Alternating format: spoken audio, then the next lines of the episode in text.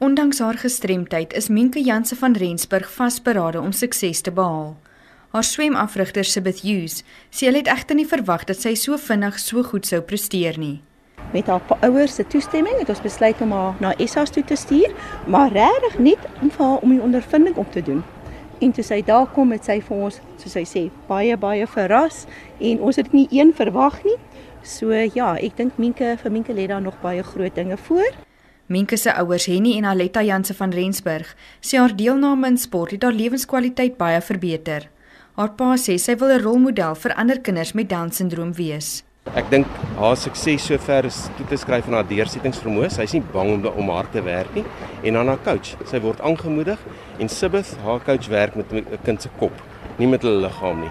Minke besef nooit sy word gedruk nie. Minke se enigste klagte is dat die water koud word in die winter.